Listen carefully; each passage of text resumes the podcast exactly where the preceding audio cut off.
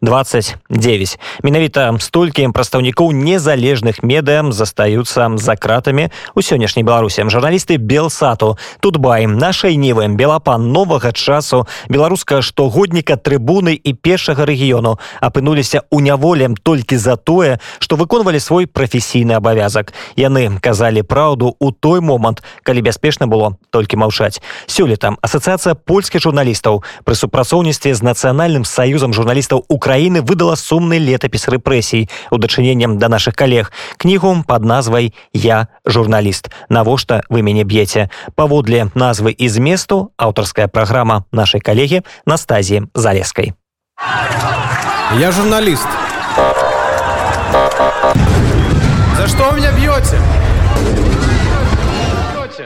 сённяшні выпуск я хацела б пачаць напэўна з добрай навіны лаўратамі нобелеўскай прэміі міру сталі журналісты марыя рэса і дмітрый мурату. Прэмію журналісты атрымалі за намаганні па захаванню свабоды выказвання меркаванняў якое з'яўляецца абавязковай умовай для дэмакратыі ў свеце А ў нас за гэты час заблакавалі сайт камсамольскай праўды ў Беларусі. У відэо аператара ягора камароўскага, які супрацоўнічае з дольчай Велле, прайшоў ператрус па справе аб акце тэрарызму. Журналісты камсамольскай праўды затрымалі і ўзялі пад варту, а следчы камітэт распачаў новую справу супраць супрацоўнікаў тутбай. Машына гэтых рэпрэсій запушчана настолькі, што я не здзіўлюся, калі ў адзін цудоўны дзень яны заблакуюць і забароняць самі сябе.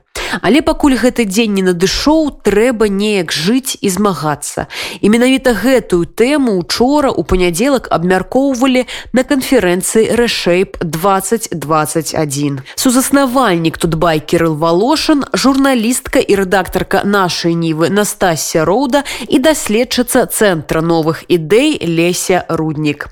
Дык што адбываецца і будзе з незалежнымі медыа. По сути, разгромлена практически вся незалежная независимая э, журналистика, все независимые СМИ заблокированы сотнями э, сайты, заблокированы сотнями телеграм-каналы. Более 30 журналистов э, находятся э, за решеткой. Более 400 случаев э, нарушения прав журналистов было зафиксировано. Только в 2020 году, в 2021 мы не берем уже особо некого было. Не у кого было нарушать эти права. И более 500 э, случаев, по-моему, задержания. Я мог перепутать цифры, но это речь, речь идет на соль. Увогуле за апошні год мы назіралі, як крок за крокам звужаецца свабода слова ў Беларусі і свабода журналістаў у тым, што яны робяць. І калі там некаторыя журналісты, некаторыя медыі былі разгромленыя на пачатку ўсяго, то хтосьці там вот як наша ніва напрыклад мы дажылі до ліпеня 2021 года. Гэта ўжо даволі шмат. То бок мы амаль цэлы год пратрымаліся пасля той сітуацыі пастаянных рэпрэсій супраць журналістаў. Калі спачатку там блокировали некаторыя сайты але яны працягвалі э, працаваць. Разграмілі некаторыя рэдакцыі некаторыя. Так гэта не было тэндэнцыі. Але все гэта працягвалася цэлы цэлы год.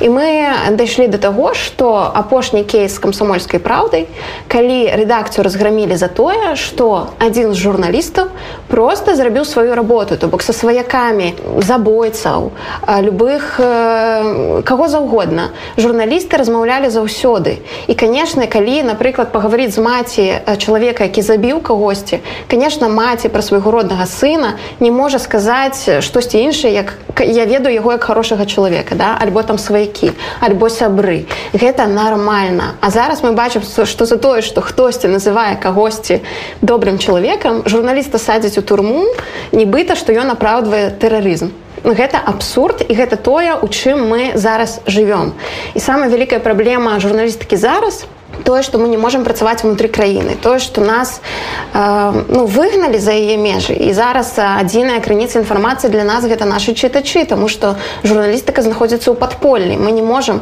прыйсці кудысьці сказаць што я там журналіст я хочу даць мне інфармацыю альбо там паздымаць штосьці на плошчы тому што мы адразу поедзем э, ва ўчастак так нас забяруць і пасадзяць на суткі нас садзілі на пачатку на трое сутак пасля на 15 пасля на месяц. А па зараз мы бачым что таго каго забіраюць садзяць ужо па крымінальных справах. Вот зараз двое наших калег галоўны рэдактор егор марцінович і кіраўнік аддзела рекламы маркетынгу Андрей скурко.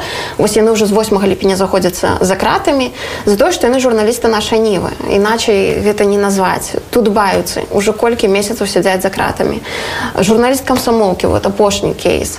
Пресс-клубаўцы колькі часу правялі за кратамі толькі недавно яны выйшлі на свабоду все гэта канешне абсурдная сітуацыя якая паказвае што журналістыка ў краіне знішчаная. Зараз у нас засталася дазволенай украіне прапаганда альбо журналістыка лайфстайл. Калі ты загаджаешься что ты не будзеш нічога пісаць пра палітыку ты можаш жыць гэта Окей прымальны варыянт. Але гэта не ёсць журналістыкай той которая патрэбная зараз нашим людям Таму что у 2020 годзе мы зразумелі что акурат журналістыка грамадская палітычная патрэбная народу. І тое чаго яны зараз ад нас чакаюць людзі которые которые застаюцца ў краіне ім патрэбная нармальная незалежная журналістыка аб'ектыўная. Гэта глупства думаць что люди которые перестали читать незалежныя сми из-за того что теперь трэба ўключаць VPN каб гэта зрабіць пачнуць чытаць савецкую беларусію так? Альбо глядзець стб альбо глядзець бт калі яны раней не чыталі калі раней яны не глядзелі гэтай тэлебачанні не будуць гэта рабіць зараз што б не рабілі ўлады і зараз самая вялікая рызыка гэта тое што людзі которые чыталі незалежныя беларускія ресурсы і зараз не маюць там тэхнічнай магчымасці пераадольваць гэтыя бар'еры якія штураз э, ставіць перад намі дзяржава э, гэтыя людзі хутчэй за ўсё пойдуць э, на расійскія ресурсы. І гэта самая вялікая зараз небяспека калі людзі сыдуць беларускай прасторы інфармацыйнай пачнуць жыць праблемамі рассіі і гэта пагражае там далейшай інтэграцыі і таму да чаго яна ў прынцыпе можа прывесці з пазітыўнага я б хацела адзначыць тое што 2020 год паказаў наколькі беларусы ў прынцыпе крэатыўныя наколькі пратэстоўцы былі крэатыўныя калі там штосьці адно забаранялі напрыклад там не знаю выходзіць нельга было сядалі на ровары і розныя розныя шляхі шукалі што яшчэ можна рабіць і гэта все пасля паслядоўна забаранялі так і журналісты калі там нам ставілі один бар'ер нельга не знаю нельга асвятляць пратэсты у камізельках прэса тому что тебе будуць забіраць Окей мы будзем прикидываться что мы нібыта выйшлі просто дэманстранты просто каб працягваць рабіць сваю работу. І так что раз что раз мы прыдумлялі як абысці чарговую перашкоду да. Нам забаранілі праводзіць напрыклад там апытанкі і пытацца за каго вы будете галасаваць на выборах тому что у інтэрнэце ніхто не хацеў галасаваць за лукашэнку так здарылася і уладам гэта не спадабалася і што рабілі пасля журналісты прыдумлялі какие-то там іконкі карцінкі сімвалы асацыяцыі каб зрабіць такое пытанне паказаць что ну вот нам нельга пытацца наўпрост давайте будем пытацца вось так. Таму мы ўвесь час э, спрабавалі сябе захаваць і гэта нас рухала наперад і тое што зараз беларуская журналістыка нягледзячы на тое што цэлы год нас спрабавалі знішчыць все яшчэ жывая і яна развіваецца нягледзячы на тое што мы зараз пераважна знаходзімся ў замежжа на жаль гэта канешне вялікае дасягненне. І зараз мы гаворым ужо не пра захаванне там асобных рэдакцыях захаванне кампетэнцый журналісцкіх і за тое каб журналісты заставаліся ў гэтай прафесіі. Тому что канешне там хадзіць под кулямі не кожны можа не кожны хоча не кожны гатовы.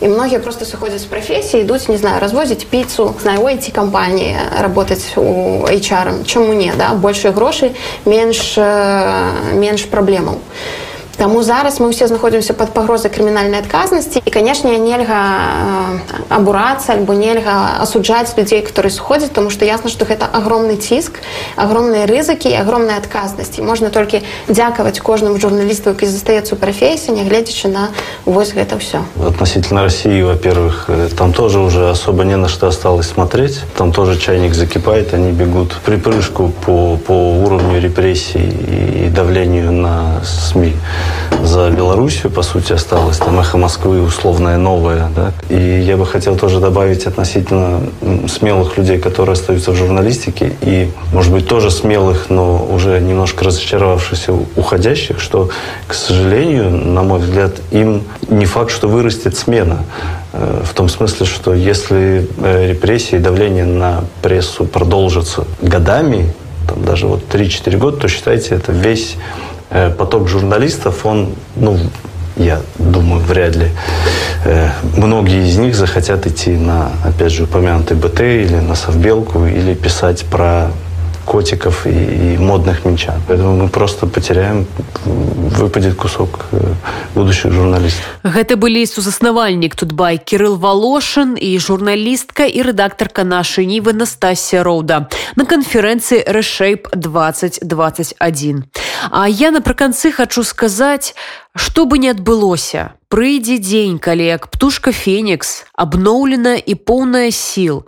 Беларускія медыя вернуцца на свае месцы. А пакуль беражыце сябе, пішыце лісты палітвязням і да сустрэчы ў эфіры. Я журналист. За что вы меня бьете? Бьете, бьете.